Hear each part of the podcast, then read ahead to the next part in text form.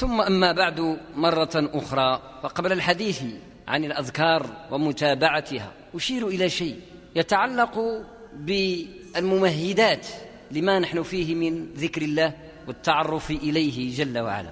وذلك هو غاية الذكر وهو توحيد الله سبحانه وتعالى وإفراده بالألوهية الذي يرجع إلى كون العبد تتوحد رغائبه كلها. ومطالبه كلها رغبا ورهبا في طلب واحد هو الله جل وعلا. إذا رغب فإنما يرغب الله ويرغب منه. وإذا رهب فإنما يرهب الله ويرهب منه جل وعلا. ولذلك فإني أحمد الله عز وجل وأشكره جل وعلا أن يسار أن نجلس ها هنا في وقت كثير من الناس ارتموا إلى معبود آخر. طبعا واضح جدا هو رياضة الكرة مع الأسف. إنما المقصود لا بد أن يتبين وهو أن الرياضة شيء مطلوب في الإسلام. ماشي شي حاجة قبيحة. الرياضة شيء مطلوب بكل أنواعها المفيدة. لكن أن تصبح الرياضة أو الكرة أو أي شيء وسيلة أو أداة تصم الآذان والأسماع وتعمي القلوب عن إدراك قول المنادي حي على الصلاة حي على الصلاة فذلك إذا وثنية أخرى. صافي كتحول وثنية إطلاقا. ومنذ القديم تحدث علماؤنا عن شيء سموه المباح بالجزء الحرام بالكلي شيء عجيب جدا. تحدث عنه بعض فقهاء الأندلس وهو الإمام أبو إسحاق إبراهيم بن موسى الشاطبي رحمه الله الذي عاش في القرن الثامن للهجرة.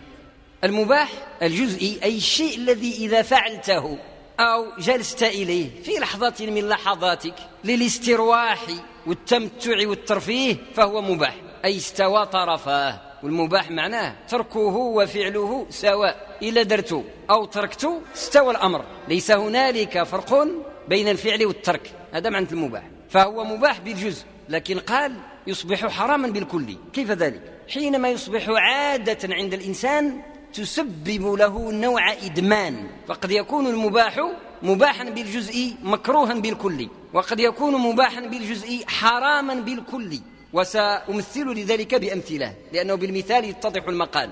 المباح بالجزء المكروه بالكل قالوا كأي شيء مباح مثلا كاللعب بالحمام أو تجول في البساتين أو غير ذلك من الأمور الجميلة الطيبة مباح. لكن حينما يصبح عادة متمكنة من الإنسان لا يرتاح باله إلا بها فذلك مباح بالجزء مكروه بالكل لأن صاحبه ينسب إلى خفة العقل. يعني حدثوا عن أحد المحدثين أحد علماء الحديث كانوا يحدثون عنه وهذا المكروه بالكل يسقط مروءة الإنسان. المروءة يعني شي حاجة اللي كتسمى يعني يعني الأخلاق العامة ديالو كتبقاش عنده قيمة في المجتمع.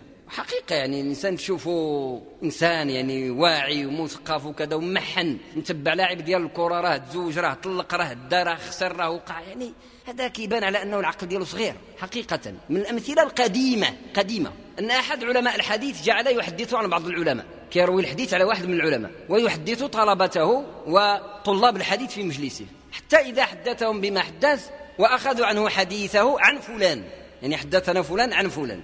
واحد المرة جاء وقال لهم هذاك العالم ما حدثتكم عن فلان فامسحوه. إذا طلب فهموا بأن شوفوا كيدير شي حاجة قبيحة. لأن علم الحديث إنما يؤخذ من العدل الضابط. سيكون ضابط يعني حاضي صوارو مزيان حافظ العلوم ديالو وحافظ الحديث ديالو يؤديه كما سمعه ثم يكون إنسان متوازن مؤمن متقي الله ذو ورع عدل. فلا يؤخذ الحديث عن غير العدل. فالأول المتصل الإسناد بنقل عدل ضابط الفؤاد كما قال صاحب الألفية مصطلح الحديث الصحيح. فقال وماذا رأيته يفعل؟ ماذا أجاب؟ قال رأيته يركض على بردون شد واحد الجحش وركب عليه وكي يربع به كي يجري به. لأن هذا يعني من لعب الأطفال هو ماشي حرام راكب على جحش وكي يربع به ما فيها باس. ولكن يعني شيخ بعمامته بعلمه كذا وغادي كيدير ديك الخدمة شوية ناقصة. فهذا ينقص من قيمته أي ينقص مروءته. فهذا مباح بالجزء لكنه مكروه بالكل. لكن قد يكون المباح بالجزء حراما بالكل. قالوا متى؟ حينما يصبح المباح وسيلة لإلهاء العبد عن فرائض الواجبات. لما يوصل المباح هو مباح ولكن إذا تعارض مع مطلوب شرعي فقدمت ذلك المباح على المطلوب الشرعي ما بقاش مباح. تا بل في تلك اللحظة وفي تلك الحالة ماشي في كل اللحظات وفي كل الأحوال حتى لا ينقل عني غير ما أقول. في تلك اللحظة وفي تلك الحالة ذلك المباح صار حراما في تلك اللحظة. لأنه بالنسبة لذلك الإنسان صار إدمانا وصار وثنا يعبد من دون الله. لما يأذن الدين. وما نقدش نتقعد من قدام التلفزيون. نوض هذا التلفزيون ولا ولا إله. صار إلها يعبد من دون الله. وإنما شرعت الأذكار لهذا. هذا الشيء لاش دار الذكر؟ لأن العبد الذاكر لا يزال يوحد الله جل وعلا. حتى إذا استقر في قلبه التوحيد بكماله وجلاله وجماله أيس منه الشيطان. أن يدخل إليه وثنية أو أن يشغله عن ذكر الله والتعرف إلى الله. لأن العبد وهو يذكر الله لا يزال يتعرف إلى الله. يعني كل لحظة تجلسها في مجلس ذكر تذكر ربك يزيد كذلك الذكر معرفة بربك. وكلما ازددت معرفة بربك ازددت له حبا. لماذا؟ لأن الله جل وعلا اتصف بصفات الكمال والجمال والجلال. جل وعلا سبحانه وتعالى. جميل سبحانه. إن الله جميل يحب الجمال ويحب معالي الأخلاق ويكره سفسافها كما في الحديث الصحيح الثابت عن رسول الله عليه الصلاة والسلام. ذو الجلال جل وعلا. له الكمال سبحانه لأن صفات النقص يتنزه عنها جل وعلا لا تنسب إليه. ولذلك كان من تسبيح سبحان الله وبحمده وهو موضوع كلامنا الليلة. من بعد ما فرغنا على قدر المستطاع من الاستغفار نتحدث اليوم عن التسبيح. والتسبيح التام الكامل هو قولك سبحان الله وبحمده. صحيح أنه كاين سبحان الله مستقلة موجودة في الكتاب وفي السنة. سبحانه سبحان الله كثير كثير جدا في القرآن وفي السنة وسيأتي بحول الله في آيات تتلى بعد وأحاديث. لكن كمال التسبيح إنما يكون بالحمد لأن هنالك صيغتين متكاملتين هما سبحان الله والحمد لله. تجمعان في قولك سبحان الله وبحمده التسبيح والحمد. لأن معنى التسبيح هو نفي صفات النقص عن الله جل وعلا. في ذاته وصفاته وأفعاله. وسافصل هذا حسب المستطاع. تسبيح لما كتقول سبحان الله معناه يعني أن الله كتقول ليس كمثله شيء. ليس ينسب إليه النقص. كل فعل شاء. كل فعل قبيح. لا ينسب إلى الله عز وجل. كل صفة ناقصة لا تنسب إلى الله عز وجل. لا تليق بجلاله وجماله جل وعلا. فأنت تنفي عنه صفات النقص. هذا معنى التسبيح. تنزيه. يعني كتنزه الله تعالى وكتعليه وتبعدو باش ما تقيسو شاي الصفات الناقصة اللي كاينة في الخلق ديالو في البشر وغير البشر.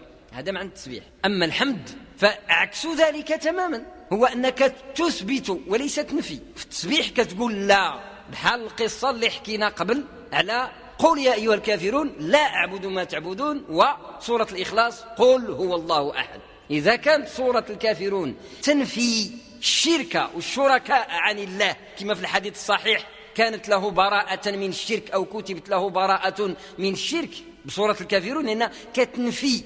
لا أعبد ما تعبدون ولا أنتم عابدون ما أعبد. وإذا كانت سورة الإخلاص تثبت الوحدانية لله فكذلك تماما. التسبيح والتحميد. التسبيح نفي والتحميد أو الحمد إثبات.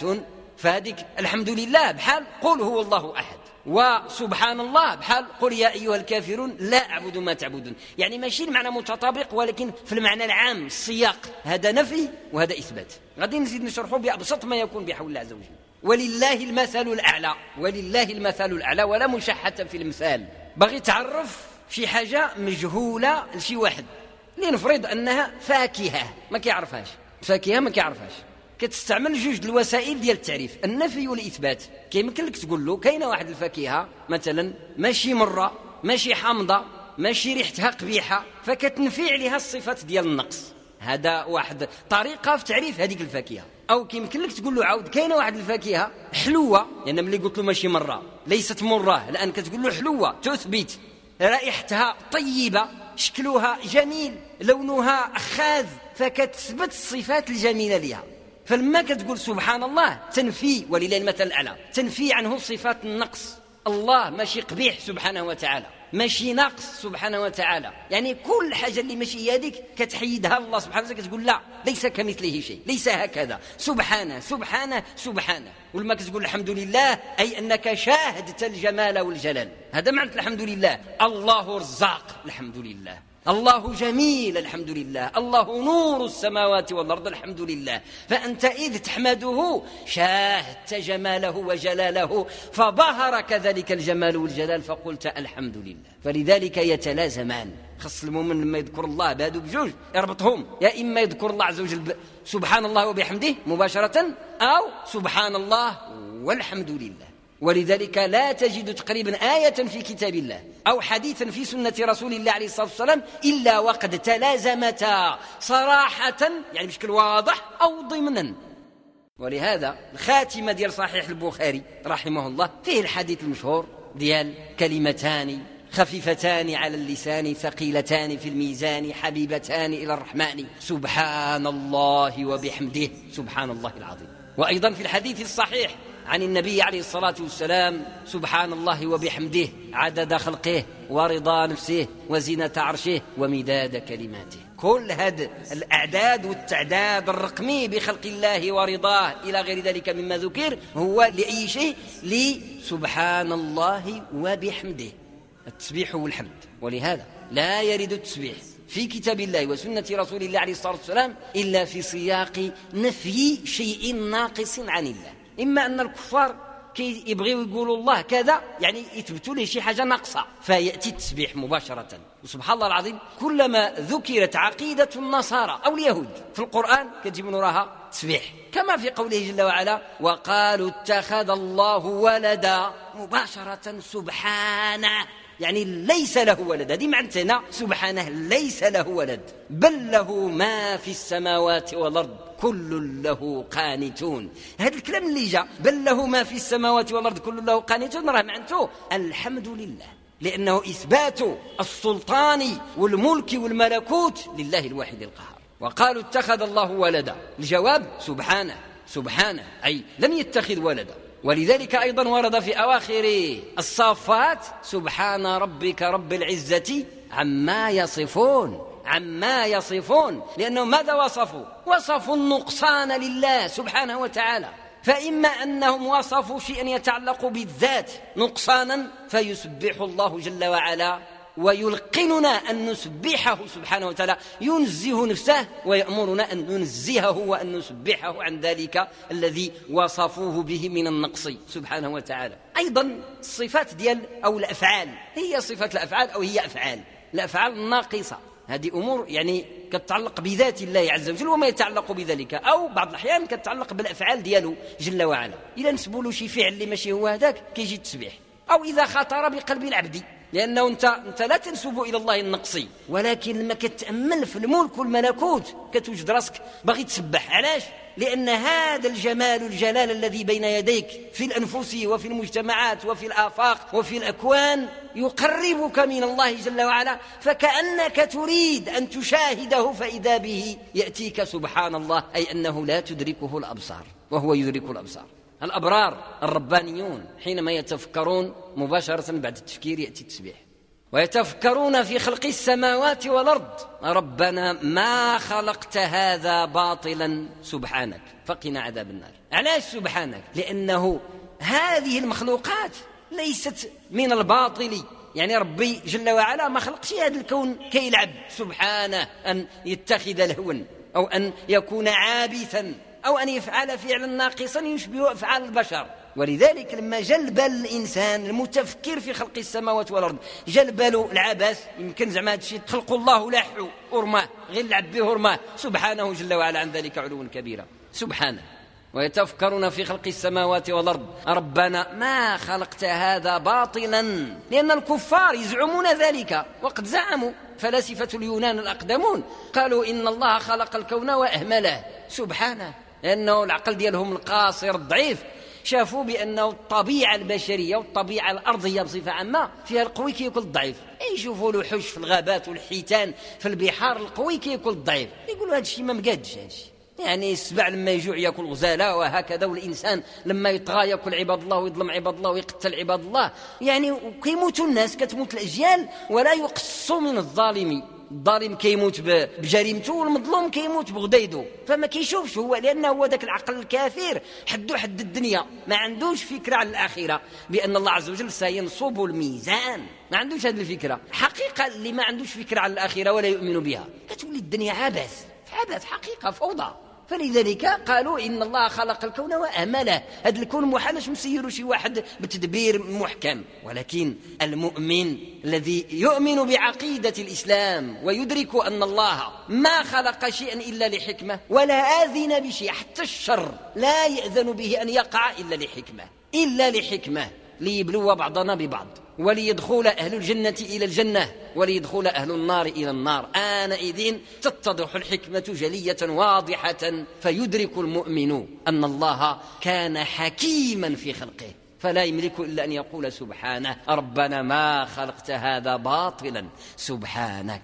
فقنا عذاب النار لأنه تما كيبان بان الحساب كاين والميزان كاين وسيأتي اليوم وليس ببعيد وليس ببعيد. لأن عمر الإنسان مهما طال قصير قارن عمرك إلى عمر الأرض وإلى عمر الجبال وإلى عمر الأكوان. تجد أن عمر الإنسان قصير قصير قصير قصير. يأتي ذلك اليوم وهو قريب ليقف العبد. أي عبد بين يدي الرحمن؟ خاشعا خاشعا رغم أنفه مؤمنا كان أو كافرا. ليوم الحساب ليوم الدين والجزاء. يدرك المؤمن المستضعف آنئذ عندما يشاهد ما يشاهد أن الله ذا الجلال سبحانه وتعالى فعلا قد خلق الكون على قدر موزون لا شيء فيه مضطرب. وإنما العين الحسيرة القصيرة هي التي ترى العبث. فأول ما يتبادر إلى القلب الرهب يعني العبد ملي كيشوف بأنه الميزان كاين والحساب جاي وجاي كيجري إذا كتولي الدنيا عندك مصيدة مصيدة فخ كتخاف كل كلمة أقولها عليها حاسب وحسيب. ما يلفظ من قول إلا لديه رقيب عتيد. والله إنه لصعب جدا فعلا. ولذلك قال عليه الصلاة والسلام لا أحد يدخل الجنة بعمله. قيل ولا أنت يا رسول الله؟ قال ولا أنا. إلا أن يتغمدني الله برحمته. ولذلك كل الأنبياء كان من دعائهم وأدخلنا في رحمتك. لأنه لا غنى للعبد العابد عن رحمة الله. فما بالك بالعاصي؟ العبد العابد العبد الحق لا غنى له عن رحمة الله. فمن أخطأته هذه الرحمة كان قطعا من الخاسرين. ولذلك العبد يقع بقلبه الرهب والخوف ويبادر كيجري كيسبق يبادر ويسارع إلى الخيرات مسبحا بحمد الله. أي أنه لما كانت تنزه الله تعالى من النقصان خص يحضر في بالك الكمال. ولذلك تسبح بالحمد. أي أنك تجمع بين نفي النقصان وإثبات الكمال. سبحان الله وبحمده. وهكذا. كلما ورد التسبيح في القرآن أو في السنة إلا وتجد دالا بالسياق الصريح الواضح على تنزيه الله جل وعلا ونفي كل صفات النقصان عنه جل وعلا في ذاته وصفاته وأفعاله سبحانه وتعالى. والحمد كما قال المفسرون إنما يحمد الله حق الحمد من عرف الله. إنما يحمد الله حق الحمد من عرف الله جل وعلا. هو الذي يحمد الله حق الحمد. لما؟ لأن الحمد تعبير عن مشاهدة حاصلة في القلب لمن قام به أي لمن قام بهذا الحمد. اللي قال الحمد لله فهذا شخص رأى ما رأى ثم حمد الذي رأى. ولذلك في الحديث الإحسان أن تعبد الله كأنك تراه. فإن لم تكن تراه فإنه يراك. واقطع نرى ربنا في جمال أفعاله. لأن الأفعال ديالو سبحانه متحققة فينا أولا خلقا ورزقا وتقديرا وهداية وإحياء وإماتة وإعاشة إلى غير ذلك. ثم متحققة في الكون الذي نشاهده صباح مساء. نشاهد شروق الشمس وغروب الشمس والأمطار والخيرات والبركات ونشاهد حر الشمس ولفحها وبرد الشتاء وقريرها ونشاهد حر الصيف وقيضه ونشاهد الخريف والربيع. تحولات تدبير. هذا تدبير كتشاهد تدبير ديال الله عز وجل. الحي القيوم هو هذا. فربنا جل وعلا ظاهر باطن. سبحانه وتعالى. ظاهر جل وعلا بأفعاله وتصرفاته. ما غيبش سبحانه حاشا ما غيب شيء عن الكون دياله حاضر حاضر سبحانه وتعالى في كونه. مستو على عرشه يدبر شأن مملكته. في كل شيء في كل شيء. من أضخم مخلوق إلى أدق مخلوق حتى الميكروب الذي لا يرى بالعين المجردة. وما هو موجود مما دون ذلك وأقل. يدبر له شأنه رزقه. وحياته وأجله وتصرفاته كلها جل وعلا. وهو على كل شيء وكيل. كل شيء. نملة تستغيث ربها يسمعها مولاها فيعينها على أداء وظيفتها أو حمل حبة القمح. يجبر الملهوف يجبر الضعيف يجيب المضطر يعين يهدي المستهدي يعطي السائل. سبحانه وتعالى أرب الناس مع الناس متى طلبوه ومتى دعوه. وإذا سألك عبادي عني فإني قريب. مش بعيد جل وعلا. قريب لمن؟ للسائل. أجيب دعوة الداعي إذا دعان فليستجيبوا لي وليؤمنوا بي لعلهم يرشدون. ولذلك حينما تشاهد هذا راه كيوصل الإنسان وينبغي أن يصل إلى حصول حوار حوار بينك وبين مولاك. كل يوم كتحس بأن مولاك كاين معك وتشعر بالعبودية بل تتذوقها. كتحس بأن سيدك راه معك كيجاوبك كتطلبو كيعطيك كتسولو كيجاوبك. تستغيث به يغيثك يرعاك معاك ديما ما غيبش عليك. سبحانه وتعالى. فهو قريب منك قريب ما دمت ذاكرا. فإذا غفلت بعدت أنت. ولذلك لا يقرب إلا الذاكر. كلا لا تطعه واسجد واقترب. ما دمت تسجد وتذكر وتسارع إلى الله فإنك تقترب وما تقرب إلي عبدي بشيء أحب إلي مما افترضته عليه. العبادات كلها تقرب واقتراب. وما تقرب إلي عبدي بشيء أحب إلي مما افترضته عليه. ولا يزال عبدي يتقرب إلي. كل العبادات أصولها وفروعها فرائضها ومندوباتها. ولا يزال عبدي يتقرب إلي بالنوافل حتى أحبه. لأن متى يحبه؟ حينما يصبح هذا العبد قريبا قريبا. آنئذ يقول لك ربك ومولاك الرحمن الحبيب إليك فإني قريب. ويتحقق فيك أجيب دعوة الداعي إذا دعا. ويتحقق فيك أيضا ما ورد في الحديث. من عادى لي وليا فقد آذنته بالحرب. انت ديال الله ماشي ديال شي حد إن عبادي ليس لك عليهم سلطان. يخاطب إبليس اللعين. هادو ديولي ماشي ديولك. وإذا اقتربت منهم قصمتك ليس لك عليهم سلطان. لأنهم فردوا ووحدوا. مولاهم الذي خلقهم. ما عبدوا أحدا سواه. لا أموالهم ولا أبناءهم ولا آباءهم ولا أي وثن من الأوثان التي يصنعها البشر. وإنما عبدوا الله وحده. لم يستقر في قلوبهم من العبودية شيء غير محبة الله وغير التقرب إلى الله. هؤلاء أولياء الله حقا وصدقا. العبد إذا حينما يشاهد هذا يجد راحة وسكينة بل يجد متعة. فلا يملك إلا أن يقول الحمد لله. ولهذا السر فرض الله علينا في كل صلاة الحمد لله رب العالمين. هذه ماشي ديال اللي تلفين هذه ديال اللي قراب ديال ديولو. أي عباده عباد الرحمن. هم الذين يدركون ويتذوقون ويتقربون بالحمد لله رب العالمين. يلهلهون هناك وهنالك في الملاهي. ضائعون أشقياء أغبياء. نكد نكد والله يعيشون نكد. وأخو الجهالة في الشقاوة ينعم. يظن أنه في النعيم وهو في شقاوة. فوقاش كيدركها نهار يفيق كالسكران تماما. السكران تجده ملطخا واسخا قذرا. يستهزأ به الأطفال يلعبون به. وهو في متعة. هكذا يظن نفسه فإذا استفاق وجد وأدرك أنه كان في عذاب شديد. وينزل عليه أنائذ من الغم. أضعاف أضعاف ما كان يظن أن الخمر تنجيه منه.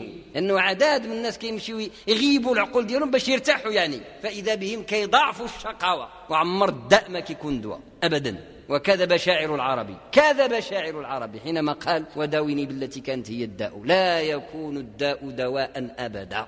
فلهذا إذا العبد المؤمن فعلا يجد المتعة المتعة الحقيقية المستمرة الدائمة هذه المتعة حينما يحمد الله.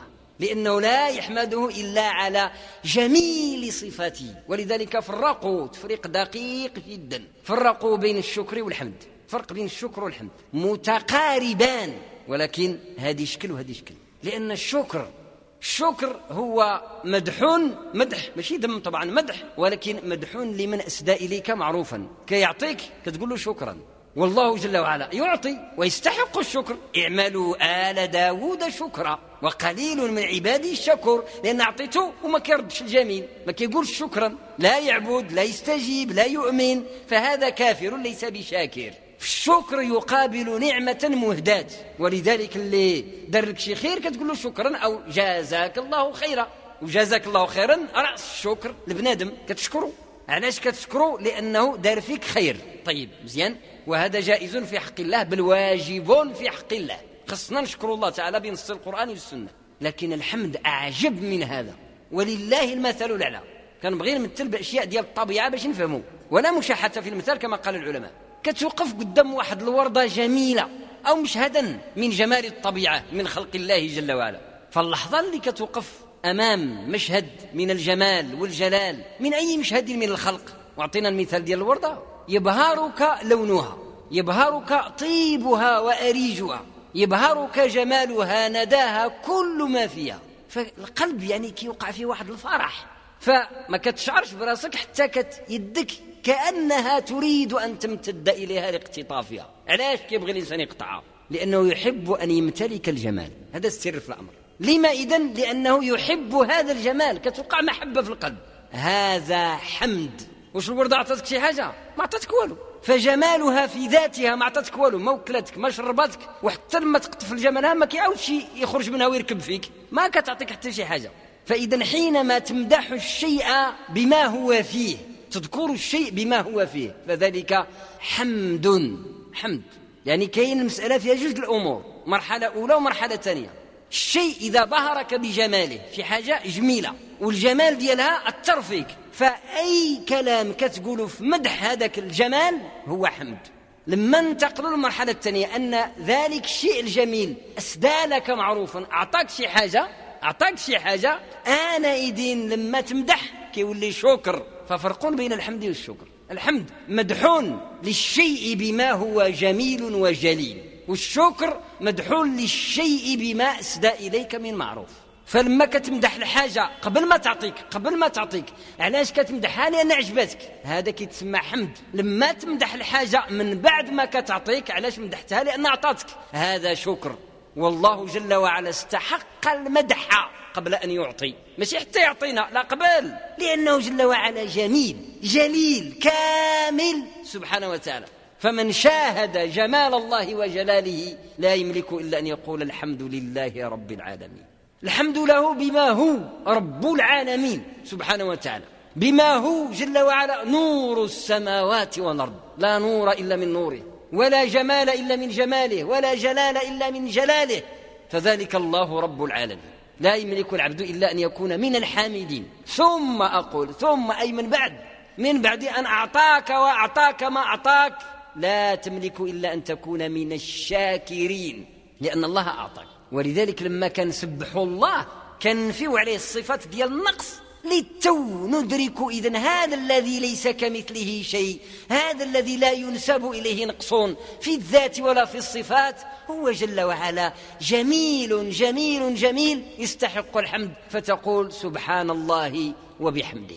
ولذلك قال إبراهيم عليه السلام في الرواية ديال سيدنا محمد على سيدنا إبراهيم في حديث الإسراء والمعراج أن هذا غراس الجنة. كل مرة تقول سبحان الله وبحمده سبحان الله العظيم راك غرست شجرة في الجنة. غراس الجنة الغرس ديال الجنة. ما دمت تذكر وبهذه المشاهدة راه العملية الغرس خدامة في البساتين ديالك في جنة الرحمن. شيء عجيب. ثم هو أي التسبيح والتحميد تبصير لك وتقريب لك وتعريف لك بالله رب العالمين. إن كل مرة تقول سبحان الله وبحمده وأنت مركز عايش المعاني اللي كتقول. تتعرف على الله كلمة كلمة. أي كل كلمة تزيدها من التسبيح والتحميد ربي كيزيدك معرفة به. يتجلى لك سبحانه وتعالى بجماله وجلاله لحظة فلحظة. كيقربك كيقربك. وكل ما قربت كتكون الرؤية عندك أوضح وأقرب. أي الرؤية القلبية الإبصارية. إنها لا تعمل أبصار ولكن تعمل القلوب التي في الصدور. فالله تعالى كيفتح البصيرة ديالك ويجعلك تشاهد. وتتملى أي تتمتع بجلال الله وجماله. للسكينة التي تقع بالقلب إثر الذكر. كل كلمة تذكر بها كل مرة كتحس بديك الراحة والطمأنينة وذاك القرب. وكتعجب كيبدا يجي الإنسان العجب؟ كيفاش الناس ضايعين في هذا الخير؟ وحقيقة والله ان لها مأساة. حينما يدرك العبد ما يدرك مما عليه الصالحون والربانيون من هذه الأمة ومما كان عليه السلف من الصحابه والتابعين وفضلاء هذه الأمة من النعم النعم اللي كانوا فيها. لا يملك العبد إذن إلا أن يتأسف على التالفين الضائعين التائهين من الكفرة والملحدين أو من الضائعين من المسلمين والعياذ بالله. ولذلك من أجمل التعابير القرآنية قول الله جل وعلا يا حسرة على العباد. يا حسرة على العباد. والله حسرة فعلا حسرة. قال الإنسان بالقلده ديالو بثوبه النظيف بأشكال مختلفة والعقل ديالو صغير. حاصل في وسط كرة في وسطها. عقله كله الذي أعطاه الله إياه ليكون خليفة في الأرض. داروا في وسط كرة يلعبوا به الدراري. والله مأساة. حقيقة. يا حسرة على العباد. وأذكر ليس هذا ذما للرياضة اطلاقا ولكن العقل لما يضخم الشيء حتى يصبح إلها معناه أنه سافوها ولا سفيه ولذلك كان سيدنا محمد عليه الصلاة والسلام يسفه أحلام قريش. أحلام يعني العقول ديالها. عمر بن الخطاب رضي الله عنه وأرضاه. وما أدراك ما عمر. قلبا وقالبا. لا في القلب ولا في العقل. كما وصف رضي الله عنه. ما توسط قوما إلا كان أطولهم. كان طويل رضي الله عنه. كان إذا خاطب أسمع وإذا ضرب أوجع. قوي وأشدهم في الله عمر. كيف كان في الجاهلية؟ كان عقله بحال العقل ديال الطير الصغير كيلعب المصارعة في الزبالة ديال قريش خارج في الحومة ديال قريش. واقف كيقول شكون اللي يجي يطيحني؟ طوله شكون اللي يجي يطيحني؟ طاب كيتصارع. بعد ما كتشوف دوك القلاد ديال الله أكبر يعني بحال طولو بحال عرضو. ولكن جالس النهار كامل كيطيح واحد ويطيحه واحد. عقل صغير العقل بحال العقل ديال البوشان تاك البرطان هذا العقل يحوله الإسلام. كيدير له تحويل من لا شيء. إلى شيء عظيم. من سفيه حقيقة. من سفيه إلى أمير للمؤمنين. حق أمير للمؤمنين. يولي مضرب المثل عبر التاريخ. رضي الله عنه وأرضاه. في كل صفات الخلافة والاستخلاف.